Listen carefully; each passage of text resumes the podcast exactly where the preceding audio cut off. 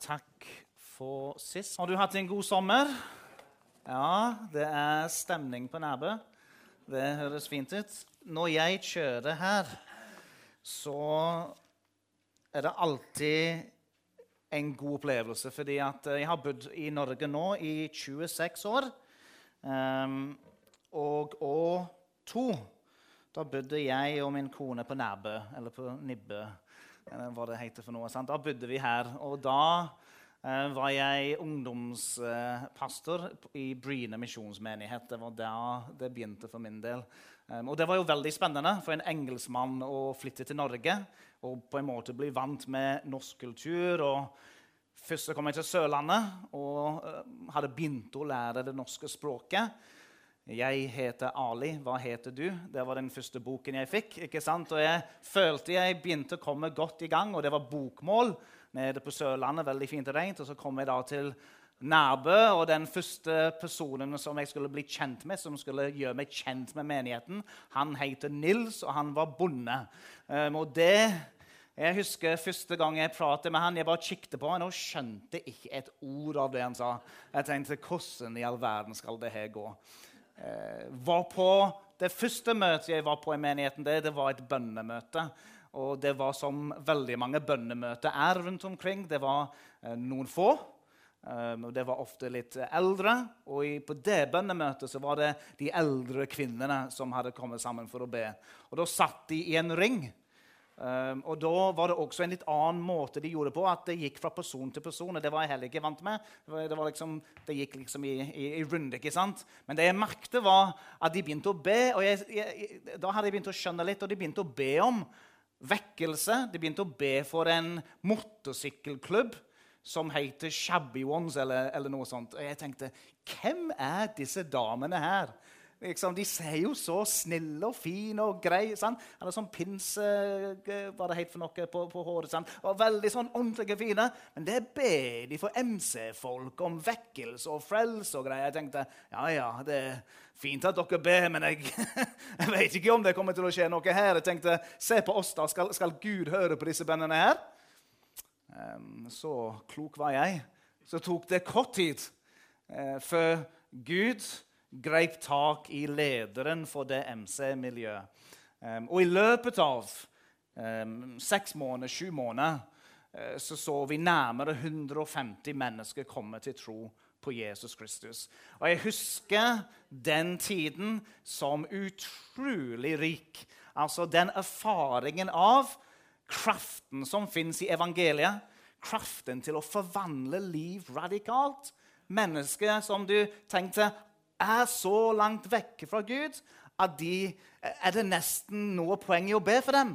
Sant? Du så de menneskene komme til tro, og ikke bare var de litt frelst. Det var liksom ikke forsiktig frelst, det var godt stekt frelst. Det var liksom radikalt frelst, altså. Og det sitter i meg som en uh, utrolig verdifull tid. Og fortsatt er det kanskje noe av det rikeste som jeg har opplevd når det gjelder det å være med i Guds rikes arbeid i Norge. Det å merke åndens kraft påtagelig over tid. Altså se mennesker komme til tro på familiemøter, på bønnemøter, på vanlige møter, ut i gangen, i kontorsamtaler. Det var ingen sted hvor vi ikke opplevde at mennesker kom til tro i den perioden der. Det var fantastisk. Og jeg forsto at forrige søndag så hadde dere fokus på Den hellige ånd. Så da blir dette del to av en miniserie som eh, pastor Magnus begynte forrige søndag. For jeg skal også snakke om noe som har med Den hellige ånd å gjøre. Og Hvis du vil ha da teksten, så kan du slå opp i 2. Timoteus brev, kapittel 1. 2. Timoteus kapittel 1. Og så skal vi lese vers 5, 6 og 7 i Jesu navn. Ettersom jeg er blitt minnet om den ekte troen som er i deg, den som først bodde i din mormor Louise og i din mor Unike, og som jeg er overbevist om også bor i deg. Derfor minner jeg deg om å vekke Guds nådegave til livet, den som er i deg, ved at jeg la hendene mine på deg. For Gud har ikke gitt oss motløshetens ånd, men kraftens og kjærlighetens og syndighetens ånd. Amen. Fader, vi takker deg for ditt eget levende, hellige ord. Og vi ber, Hellige Ånd, at du lar ditt lys skinne på ditt ord. Vi takker deg for at ditt ord denne søndagen er brød for oss. Og vi sier, Fader, at vi er hungrige og vi er sultne. Vi ønsker at ditt ord skal berøre vårt liv, at det skal være som et sverd som også skjærer og setter oss fri fra ting, og gjør et verk i oss og gjennom oss. Vi ber deg om dette. Hellige Ånd, herliggjør Jesus mens jeg snakker disse få minuttene vi har sammen. I Jesu Kristi navn vi ber, og alle folket sa Amen.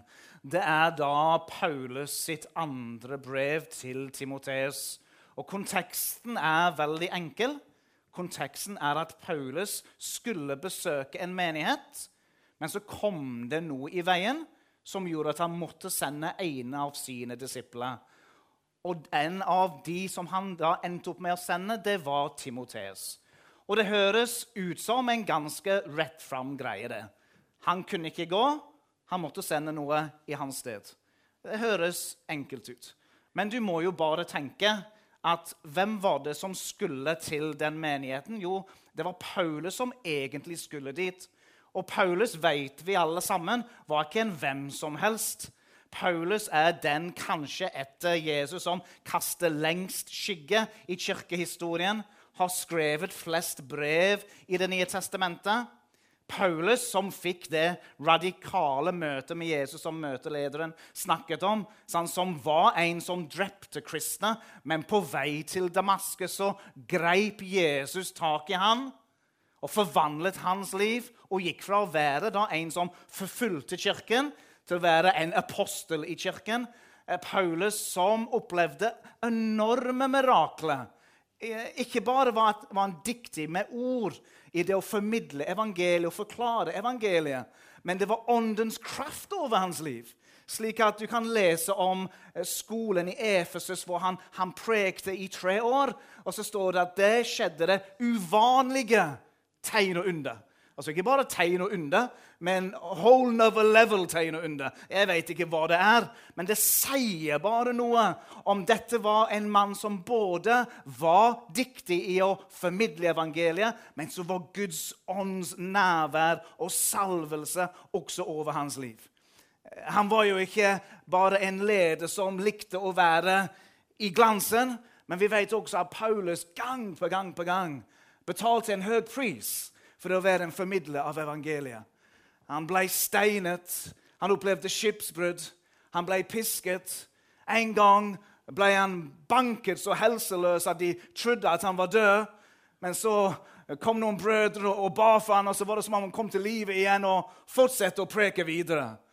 Dette var ikke en hvem som helst. Og når du forventer at Paulus skal komme, men du får Timoteus istedenfor, da kan du skjønne at Timoteus kan kjenne seg litt sånn usikker. Det er jo som om Egil Svartdal skulle komme her i dag, men du får Mark Wooten istedenfor. Det er liksom Ja vel? Hvem i verden er han der? Kan ikke si navnet hans engang. Altså, ikke sant? Det er, må sette oss litt inn i hvordan Timoteus må ha følt dette her. Jo, han var på en måte bare en unge disippel, han som skulle tre inn i denne store rollen med denne forventningen som da lå i forhold til den gjerningen som han hadde. Og vi vet også at gjerningen som han skulle utføre i menigheten, det var ikke bare enkel heller. Han skulle ordne opp i visse saker og visse ting av urettferdighet, av lærer som hadde gått litt feil, av loviskhet som fantes. Det står også at han skulle tale de rike til rette. Nå vet ikke jeg eh, hvordan din økonomi er, men det er ikke alltid like enkelt å tale de rike til rette. Når du har mye, og du har oppnådd litt i livet, så skulle denne unge mannen komme inn. Altså, når vi tenker på sånne som Timoteus og andre navn i Bibelen, så ser vi ofte for oss de litt i sånn De må være veldig spesielle. De må være ekstremt karismatiske. De må ha alle ting på plass. De, de må være superflinke. Men når du ser litt på hvordan Bibelen beskriver Timoteus, som vi leser om her, så får vi et litt annet bilde av den mannen. Og For meg så er det en trøst. Og så tror jeg også for deg så blir det en trøst. Fordi at Når Paulus skriver til Timoteus, så sier han blant annet, så sier han, når du kommer dit, til den menigheten, så må ikke du la dem se ned på deg for din ungdoms skyld. Sant? Hva er det han egentlig sier der? Jo, han sier at Timoteus, antageligvis så kjenner du deg litt usikker. Litt så vet du det at det fins mennesker i den forsamlingen som har mer erfaring enn deg, som har levd lenger enn deg, Kanskje har de mer kunnskap enn deg. Og Timoteus helt sikkert kjente på en viss usikkerhet. En viss Har jeg egentlig det som skal til for å gjøre det Gud har bedt meg om å gjøre? Er jeg egentlig kvalifisert til det som ligger foran meg nå? Og Jeg veit ikke hvordan du kjenner deg i forhold til det som Gud har lagt på deg, eller det som du er blitt utfordret på, men jeg kan kjenne meg veldig igjen i det. Jeg kan kjenne meg veldig igjen i at nesten alltid når nye muligheter kommer, eller Gud åpner dører, til og med de dørene som ser veldig åpne ut, så kan jeg ofte kjenne på ja, Har jeg egentlig det som skal til?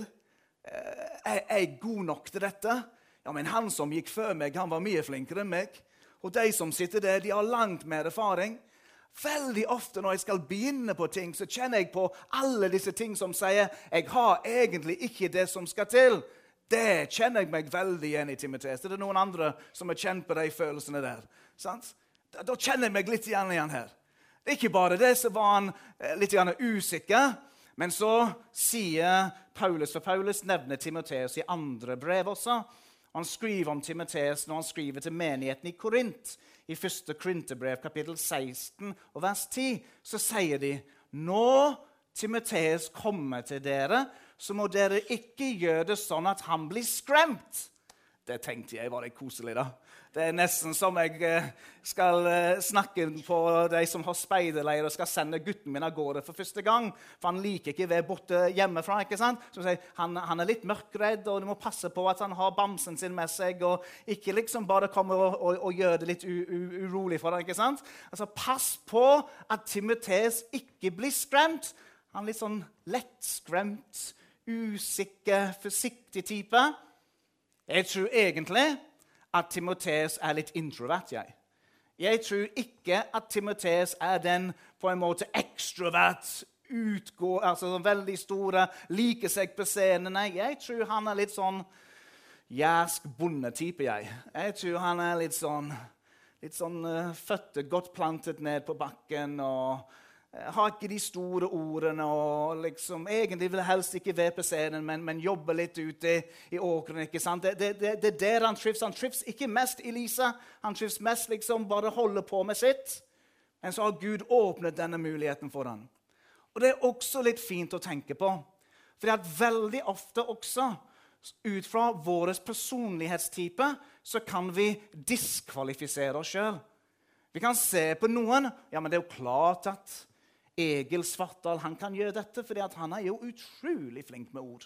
Du bare ser på den scenegreia han har. og Han kan gråte bare han sier 'gråt nå'. Han er jo så flink på alle disse tingene her. Han er jo så dyktig. Men jeg jeg er ikke sånn som han, og jeg liker ikke å, å bruke ord. Jeg er ikke så flink med ord. Sånn. Det er så lett for oss ut fra vår personlighet å diskvalifisere oss sjøl. Men om du er introvert, eller om du er ekstrovert, så kan Gud bruke deg til alle gjerninger og alle kall i Hans rike. Jeg syns det er nydelig å tenke på. Den tredje er jo dette. Så skriver Paulus til Timotees Timotees, du må ta noe vin for din mages skyld. Ikke sant? Altså, da har du en ung mann som kjenner seg usikker, lettskremt og sjuk. Det er jo det han er. Altså Usikker, lettskremt, sjuk. Nå, hvis Magnus skulle finne en ny leder til en eller annen greie i menigheten her sant? Skulle finne en ny gruppeleder eller starte med kveldsmøte sånn. Ja, vi trenger en ny leder her, så det vi leter etter, da, bare så dere vet det Du må være litt usikker. Du må ha mageproblemer, så du må ofte på do. Og så må du, må du være litt lettskremt. Om det er deg, så det er deg vi vil ha. Det er svært sjeldent vi fungerer slik. Sant? Når vi leter etter ledere eller mennesker som vi tenker Gud kan bruke, så leter vi etter mennesker som har liksom stjernefaktoren med seg. X-faktor. De som har greier med seg, som har den lille ekstra som ingen andre har. Det er de vi ofte leter etter. Ferdige tre. Sant?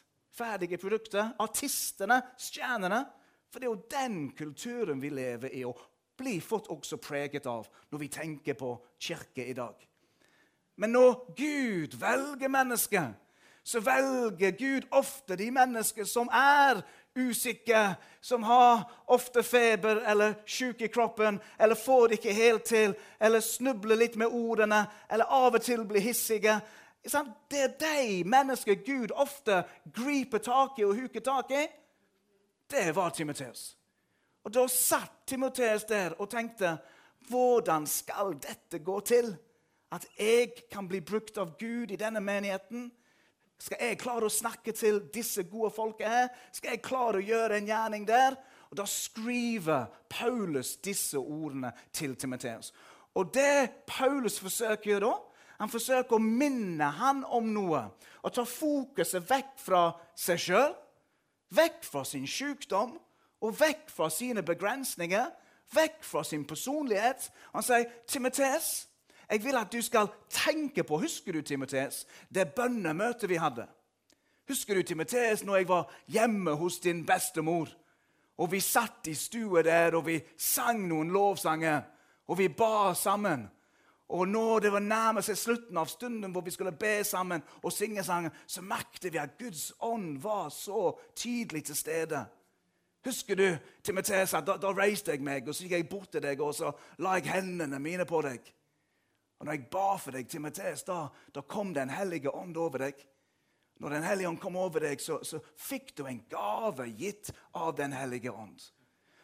Timoteus, ikke tenk på dine begrensninger. Ikke tenk på den manglende erfaringen, manglende utdannelse, alle de spørsmålene som du har. Timoteus, det du trenger å huske nå, at den kraften som er i deg, er større enn de utfordringene som fins i ditt liv. Timoteus, du må stole på Den hellige ånds gave, Den hellige ånds salvelse, den momentum som Guds kraft gir i ditt liv. Timoteus, det er jo det.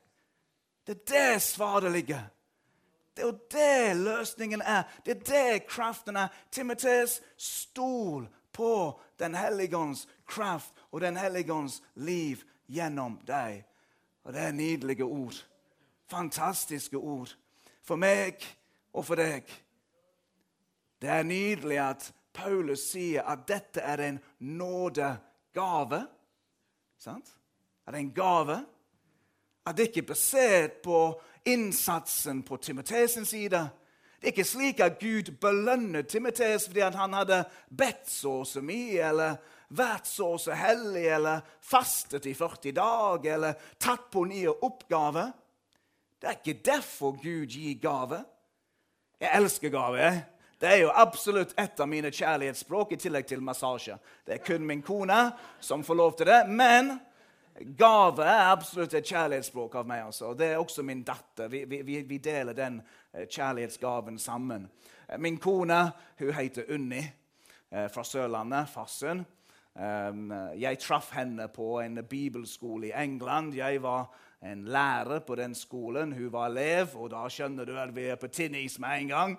Dette, dette var absolutt over 18-grenser vi snakker om nå. Og uh, med en gang jeg så henne, så tenkte jeg wow. Hun der kan, kan jeg få henne? Er det mulig? Jeg tenkte hun var så skjønn, hun var så vakker. Mørk hår, fregne, mørk hud. Jeg er jo jødisk, så jeg, jeg søker litt etter noe mine egne. ikke sant? Så hun, hun, ligner litt på det, så jeg begynte jo å oppsøke henne og snakke med henne. og jeg måtte være forsiktig, for jeg var jo lærer, så jeg kunne liksom være altfor voldsomme, men jeg begynte å skrive sånne brev til henne. da. Det kan kalles kjærlighetsbrev, men vi, vi sier ikke det. Sånne små sånne koselige setninger. og Etter hvert så begynte jeg å spørre om hun ville gå på bønnevandringer sammen. Hun kunne ikke gå på date, vet du, så du måtte finne på et eller annet åndelige greier. så kan vi gå på bønnevandringer sammen. sant? Og jeg Hvis du trenger noe sjelesorg, så er jeg der. Nei da, det er jo ikke det. Men vi begynte jo å bli kjent, og jeg ble jo så begeistret. og jeg, Uh, hun, En gang så begynte hun å snakke litt om hvilken blomst hun likte. ikke sant? Så når det var bursdagen hennes, så kjøpte jeg henne alle, så mange av disse blomstene jeg kunne finne, og la det utenfor døra hennes. ikke sant?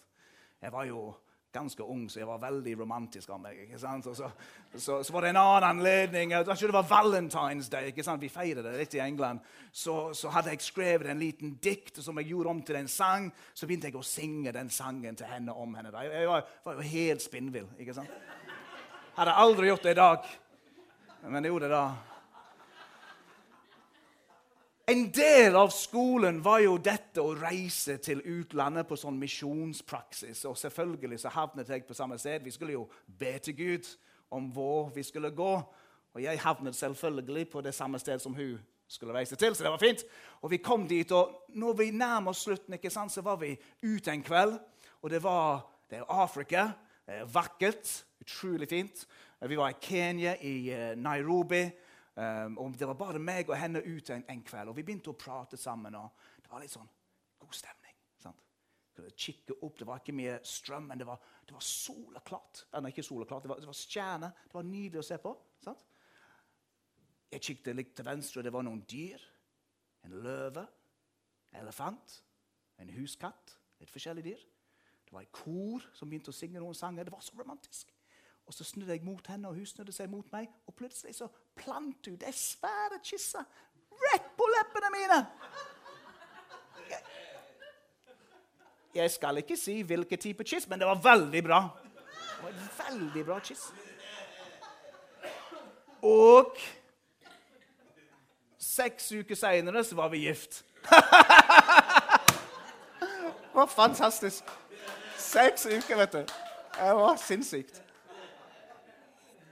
Det var veldig bra. Men jeg sier til Unni da nå, jeg sier til Unni, Unni, du vet at min kjærlighet til deg, det var som Guds kjærlighet. Jeg, jeg sier det. Min kjærlighet til deg, Unni, det var som Guds kjærlighet. Og så sier jeg, ja, hva du mener med det da? Jeg, sier det. Jeg, jeg, så deg først. Jeg elsket deg før du elsket meg. Jeg, jeg kalte på deg før du kalte på meg. Jeg kjente ditt navn før du kjente mitt navn. Min kjærlighet til deg, Jonny, det, det, det, var, ubetinget. Det var som Guds kjærlighet til oss. ikke sant? Og når vi tenker på frelse, så skjønner vi dette.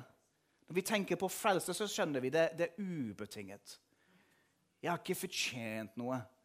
Jeg kom ikke på, med noe på bordet og sier 'Se her, Jesus, på, på mitt liv og på hva jeg har fått til'. Nei, Vi skjønner alle sammen at vi, vi står der med skittent tøy. Vi har ingenting å by på. Vi kan kun stole på det ferdige verket som Jesus har gjort for oss. Guds gave i frelse, som vi tar imot ved tro. Men det er også slik med åndens liv og med åndens gave og med åndens kraft det er ikke slik at Gud gir av sin ånd når vi er kommet til tro. fordi nå har vi begynt å skjønne hva det betyr å være kristen. Så nå løfter jeg hendene mine veldig mye, og nå gir jeg tiende hver måned. Så da, da gir Gud mer av sin ånd. Nei, det er ikke slik det fungerer. Det er en gave som er gitt av Gud. Ufortjent. Ved tro. Og dette med vårt behov for Den hellige ånds liv og Den hellige ånds kraft, og det som Paulus beskriver her, ved at han har la hendene sine på Timotees, det er et mønster som vi finner gjennom mye av Skriften. Du ser det i Det gamle testamentet når du ser på Moses og Josfa. Du ser det når du ser på profeten Elie og Elisha. Når Elisha var en, en disippel, en profetdisippel av Elia.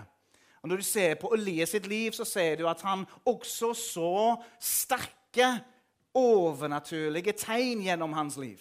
Sant? Ble overnaturlig forsørget. Så overnaturlige helbredelse. Ba bønner som utgjorde store ting. ikke sant? Slik at når Elisha så på Elia, så skulle han som en disippel lære av ordene han delte. Læren hans, om du vil. Han skulle se på måten han møtte mennesker på. og alle de bitene. er. En disippel ifølge både jødisk tradisjon, Nye testamentet og Gamle testamentet var at du skulle etterligne din rabbi, din profet, så mye som mulig. Skulle, skulle være helt lik den personen. Men når Elia holdt på å avslutte sitt liv og har da den lille dialogen med Elisha og begynner å snakke liksom om, om hva, hva, jeg kan gjøre for han, eller hva han kan få når det gjelder bønnesvar, og sånn, så sier Elisha til Elia jeg vil ha en dobbeldel av den ånd som er over deg. Jeg vil ha den ånden som er over deg, den må være over mitt liv.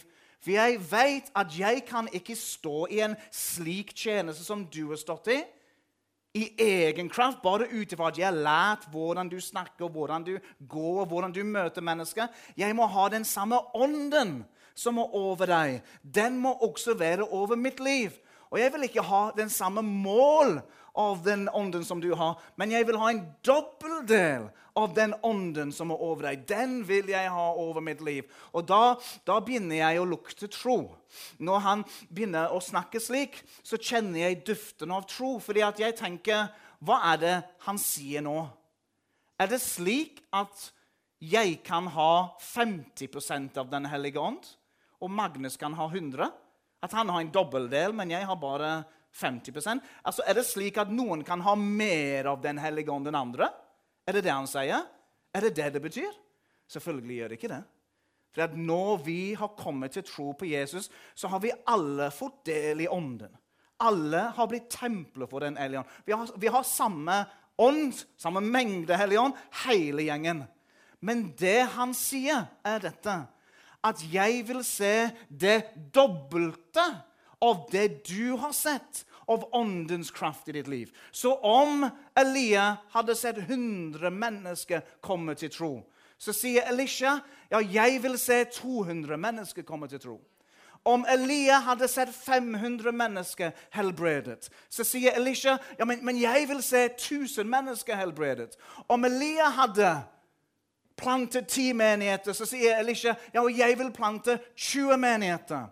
Og akkurat dette med denne lengselen om å se mer av Guds ånds kraft og gjerning og liv gjennom vårt liv, det trenger vi alle sammen. Vi trenger den friske hungeren og troen på at Gud, jeg er, jeg er takknemlig for det jeg har sett. Jeg er takknemlig for at jeg har fått vitne for disse menneskene i fjor. og Jeg er takknemlig for at jeg fikk be for den til frelse, eller bedt for deg at de skulle bli friske. Og vi så noe av åndens kraft gjennom dette. Men, men, men jeg ønsker å se mer. Jeg er ikke ferdig.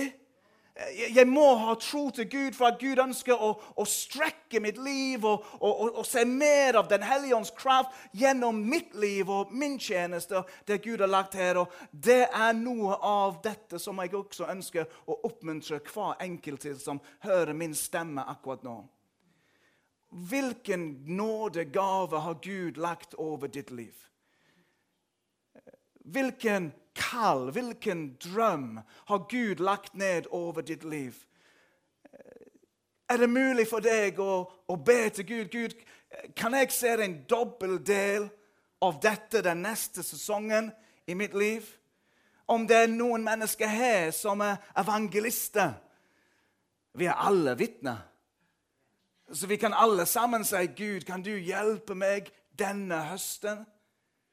Og dele evangeliet med flere mennesker enn det jeg gjorde på våren. Gud, kan jeg be for flere som er syke denne høsten enn jeg gjorde på våren? Gud, kan jeg være med gjestfri denne høsten enn jeg var på våren? Gud, kan du hjelpe meg å tjene mer denne høsten enn jeg gjorde på vårparten? Gud, de gavene, lengslene som du har lagt ned i mitt liv, kan du hjelpe det ved din ånd og ved din nåde, at de vokser i mitt liv. Jeg er ikke ferdig. Det er utrolig å tenke på.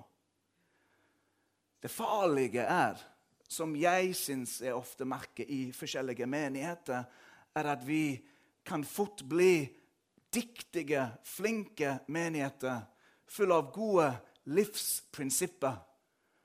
Hvordan du kan få et godt ekteskap og eh, god barneoppdragelse. og Hvordan du kan være en snill nabo og så videre og så videre.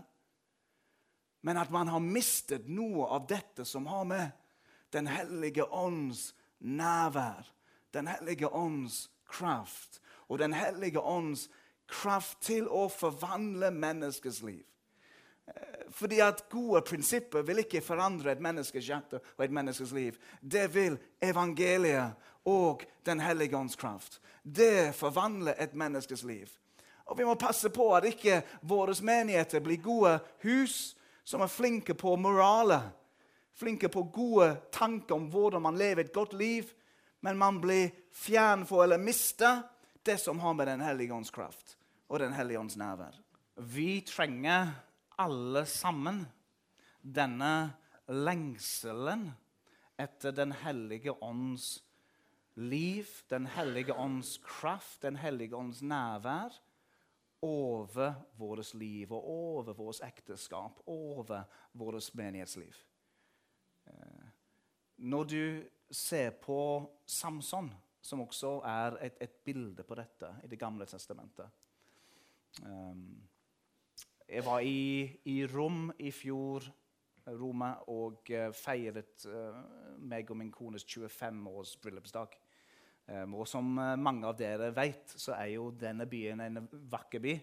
Mye kunst, museum. Og vi var jo ofte innom en del museer og så på kunst osv. Så, så da får du ofte en del bibelske malerier.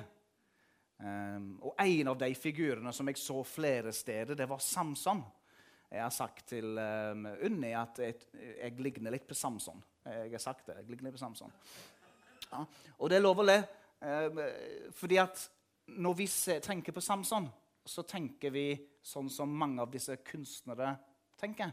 Fordi at Når du ser på disse bildene av Samson, disse klassiske bildene, så ser du en veldig høy mann. Tre meter høy. og sånt, sånt. Han muskler i alle retninger. Han har de muskler på fingrene sine og tærne sine. og det er veldig stor og veldig svær. ikke sant? Og alle de andre menneskebildene de er, de er halvparten så høye som han. Og Når vi tenker på Samson, så tenker vi på en sånn Arnold Schwarzenegger. Uh, Delilah, I'll be back. Det er, liksom, det er sånn vi ser for oss når vi tenker på Samson. Men når du ser på fortellingen om Samson, og du ser på hva filistene sier til Samson For når de ser på han, så sier de eh, Dommene 16, tror jeg det er, så sier de til han vers 4 så sier de, Vi skjønner ikke hvor er det du får denne kraften fra. Altså, de ser på han, og de har sett hva han har gjort med hendene sine. Hvor han har drept store dyr og øh, ødelagt øh, mennesker og greier. Så han har stått på. Men når de ser på han, så skjønner ikke de at han de ser på, kan gjøre de gjerninger han gjør. Fordi hadde han sett ut som Arnold Schwarzenegger sant? Stor, svær, hendene som en bjørn. Jeg tror ikke de hadde sagt det samme. Jeg tror de hadde sett på ham og sagt ja, men klart du klarer det der. Du er jo en svær mann. Du er jo muskler i alle retninger. Jeg er ikke i tvil om at du klarer å slå en løve. Jeg, når du ser på deg, det, det, det er en monster. Men når de så på han, så skjønte de ikke at det var mulig. fordi at når de så på han, så så han litt mer ut som meg. Ja. 1,72 to. Engelskmann med korte bein. de så på han, og de, de, skjønte ikke det var mulig. For en slik type kan ikke gjøre de gjerningene.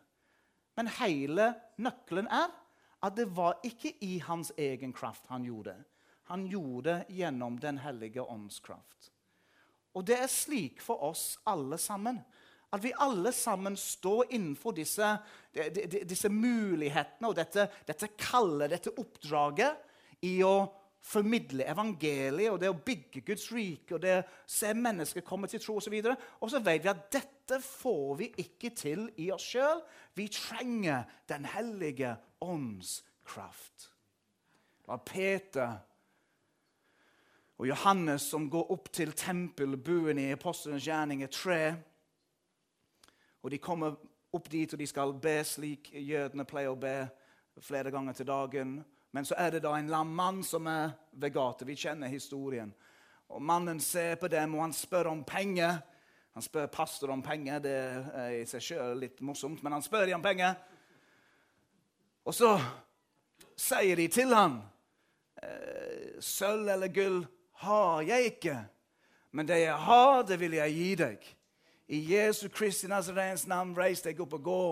Og den lamme mannen i det øyeblikket blir helbredet, reiser seg og, og, og, og begynner å springe. Og alle de som kjente han, og som kjenner fortellingen hans, de blir slått av undring. Hva er dette?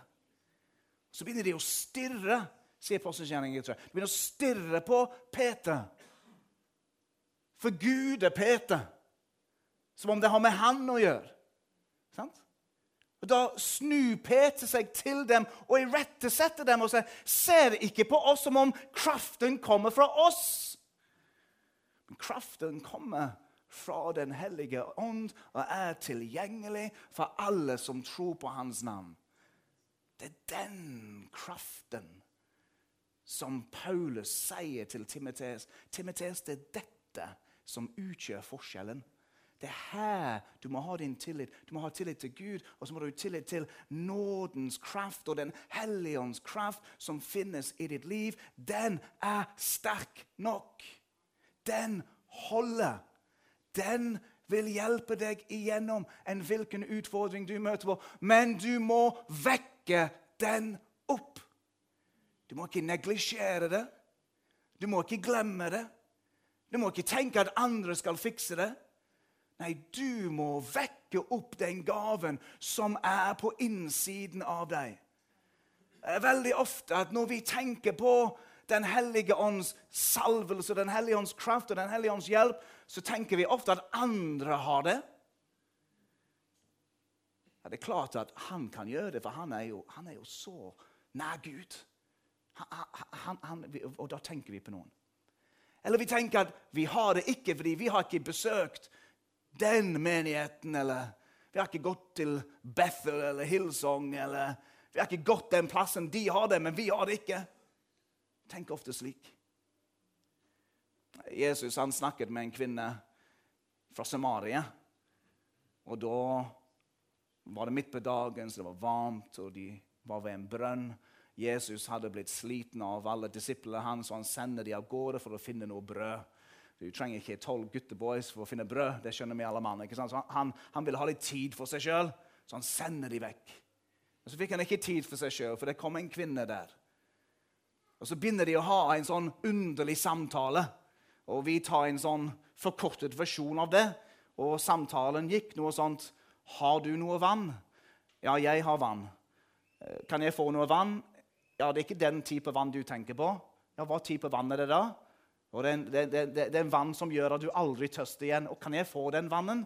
Ja, den vannen er i deg når du tror på meg. Da vil det være en, en vann på innsiden av deg som aldri forsvinner.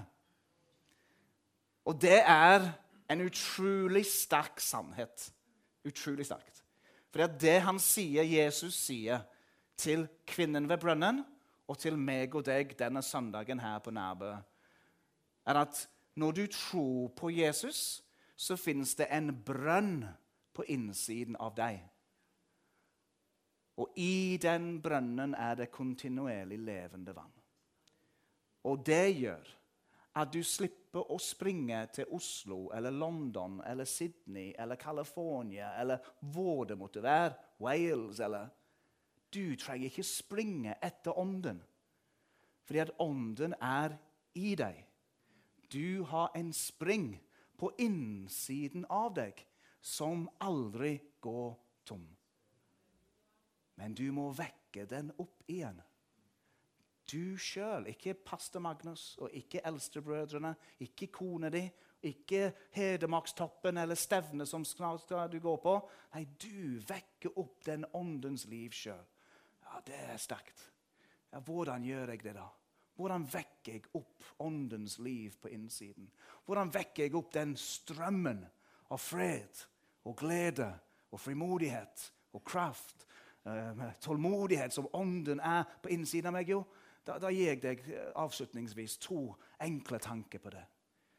Um, den ene er at når du ønsker at åndens gave, liv, salvelse skal øke på innsiden av deg, da forkynner du evangeliet til deg sjøl. Det betyr at hver eneste dag så forkynner du til deg sjøl. Enten så hører du at TV sier, sier ting til deg, eller Netflix sier noe, eller venninna di eller mannen din. Ja, du, du duger ikke. Ja, du får det aldri til. Ja, du er ikke god nok. Ja, se, nå har du bom igjen. Ja, jeg er så lei av dette. Stadig så hører du ting som blir forkynt inn i dine ører. Og de er med å holde brønnen stille. Derfor trenger du hver dag, og dette, dette gjør jeg. Hver dag når jeg står opp, og det er en smertefull opplevelse i seg sjøl Eh, det var mye lettere da du var 19 år gammel, men nå er jeg snart 50. Da, nå ruller jeg ut av sengen istedenfor å hoppe ut av sengen. Eh, jeg kikker meg sjøl i speilet og jeg tenker er det virkelig blitt så ille. Um, og det har det blitt. Og så, så jeg, jeg, må få en bedre start enn dette her. Og, og så begynner jeg å si, si til meg sjøl Mark, um, du er tilgitt. All din sinn. Sånn som møtelederen gjorde i dag som uh, pastor Magnus sa mens han satt ved og ba. Mark, du er tilgitt all din synd, før tid, nåtid og framtid, i Jesus Kristus. Du er tilgitt. Mark, du er elsket i Jesus. Mark, du er akseptert i Jesus Kristus. Mark, du er verdsatt i Jesus Kristus. Og så begynner jeg å forkynne evangeliet til meg sjøl. Minne meg sjøl om de sannhetene som har forvandlet mitt liv, som hele vårt liv er bygget på. Og det høres kanskje ut som en predikant som bilder dette, her, men det er ikke det. Jeg gjør dette daglig. Jeg sier disse ting til meg sjøl, for når jeg gjør det, så vet jeg at Den hellige ånd elsker og herliggjør og ærer Jesus. Så når jeg snakker om Jesus, hva er det som skjer på innsiden av meg? Jo, jeg merker at den hellige ånd begynner å kvikne til.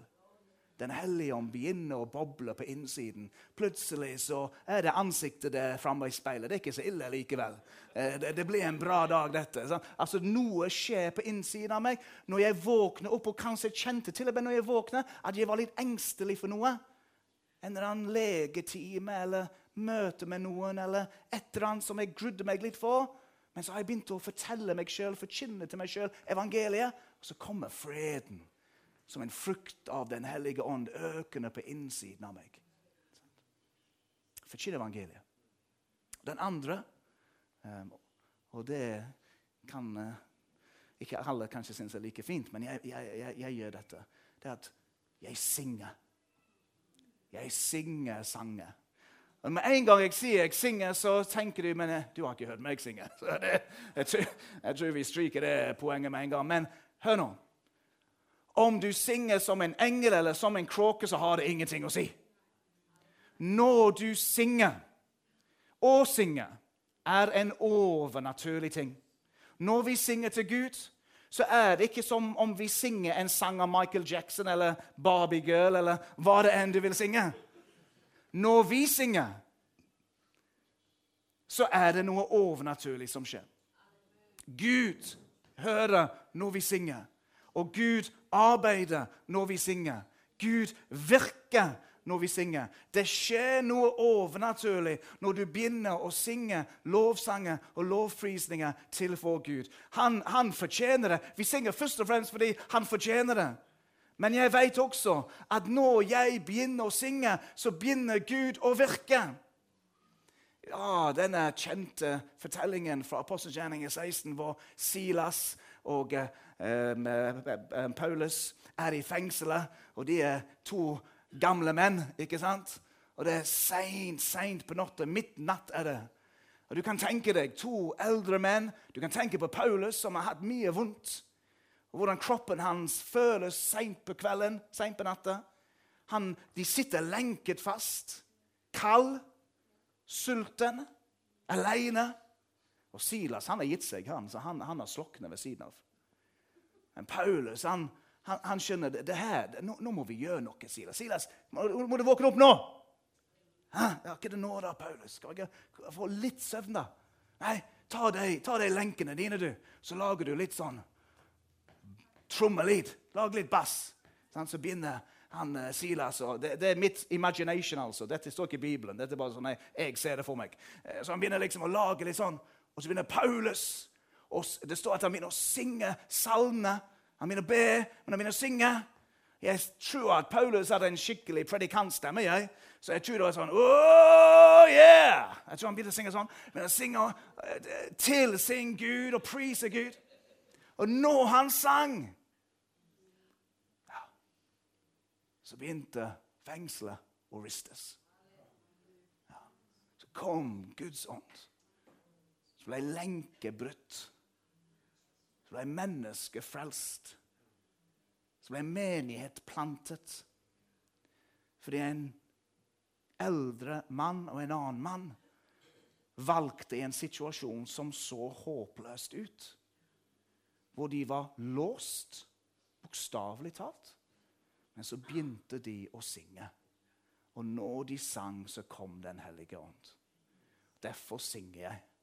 Jeg synger i ånden. Når jeg er alene i bilen og kjører, jeg synger i ånden. Om du har tungetall, så syng så mye du kan i ånden. Eller om du sitter i stue eller på kjøkkenet og setter på evangelietone eller hilsong eller hva du vil høre på. Men syng! For når du begynner å synge, så vil du merke at ånden kvikner til. Vekk opp den nådegaven som er i deg. Vi merker Den hellige ånd her. Jeg tenker at vi alle sammen eh, bøyer våre hoder, og så gir vi bare Den hellige ånd et lite øyeblikk nå hvor vi kan respondere på det som vi har snakket om i dag. Takk, Fader. Takk, Jesus priser deg, Herre. Takk, gode Hellige Ånd. Takk, Hellige Ånd. Takk, Hellige Ånd, for at du er her. Takk, Hellige Ånd, for at du taler til vårt hjerte. Du tar ditt ord, og det blir som brød for oss denne søndagen her på Nærbø. Et ord fra himmelen hvor du sier 'vekk opp', vekk det opp den gaven. Vekk opp den brønnen. Du som kjenner at det er så tørt, og du kjenner 'Hvor er du, Gud?' Så kommer også ordet til deg. Vekk opp den brønnen på innsiden. Det er noen som har nådegave fra Gud. Og Av forskjellige årsaker så har du lagt deg på hylla. Noen har sagt noen ord, og det har gjort at du har vært litt forsiktig. Du har trukket det tilbake. Noen var frimodige når det gjelder helbredelse eller å vitne for andre. Men så har det over tid vært noe som har stagnert. Noen har kall til å være evangelist. Noen har kall til å være misjonær Og så kommer også ordet til deg og sier, 'Vekk opp den gaven som du fikk'. Jeg har lyst til å be for deg som kjenner at Guds ord har truffet deg denne søndagen. Du ønsker å respondere. Og Da vil jeg gjøre det slik at du, du bare løfter opp en hånd. Og så skal vi be at Den hellige ånd rører ved oss nå. Gud velsigne deg og deg og deg. Og deg. Og det er veldig veldig mange hender. Gud velsigne deg og deg og deg og deg og deg og deg. Gode Hellige Ånd, Gud velsigne deg. Gud velsigne deg. Hellige Ånd, vi trenger deg. Vi trenger ditt liv, og vi trenger din kraft. Vi trenger din ledelse. Vi trenger ditt søte nærvær over vår gjerning. Vi trenger det i heimene i ekteskapene, i barneoppdragelse, Vi trenger det inn i barnearbeid og i ungdomsarbeid. og vi trenger det i arbeid blant de eldre når vi besøker syke. og Vi trenger det i ordets forkynnelse og i, i lovsangen og i misjonen. Vi trenger det over bønneliv og bønnearbeidet. La dette hus være et hus så berørt og fylt av ditt nærvær, Herre Jesus. Må du vekke opp nådegavene som hviler og ligger i mange menneskers liv denne søndagen. Må du vekke opp igjen profetiske ord, visdomsord. Må du vekke opp troens gave. Må du vekke opp evangelistgjerningen. Må du vekke opp forkynnergjerningen, bønnekallet, gjestfriheten. Må du vekke opp de gavene som ligger og hviler i denne forsamlingen, for den forsamlingen har blitt gitt mye. Og vi ber deg, Hellige Ånd, at du vekker opp igjen. Må det være slik at når vi går herfra denne søndagen, så merker vi alle sammen på innsiden at den brønnen som er der, at den begynner å boble. At den brønnen som er på innsiden, at, at vi kjenner at gleden og freden og kraften og frimodigheten og tryggheten at den øker på innsiden av oss. For du sier at du har ikke gitt oss en ånd som gjør motløs eller fryktsomme. Nei, du har gitt oss en ånd som gir oss mot. Kjærlighetens ånd, sindighetens ånd. Vi takker deg for dette. I Jesu Kristi navn. Amen. Amen.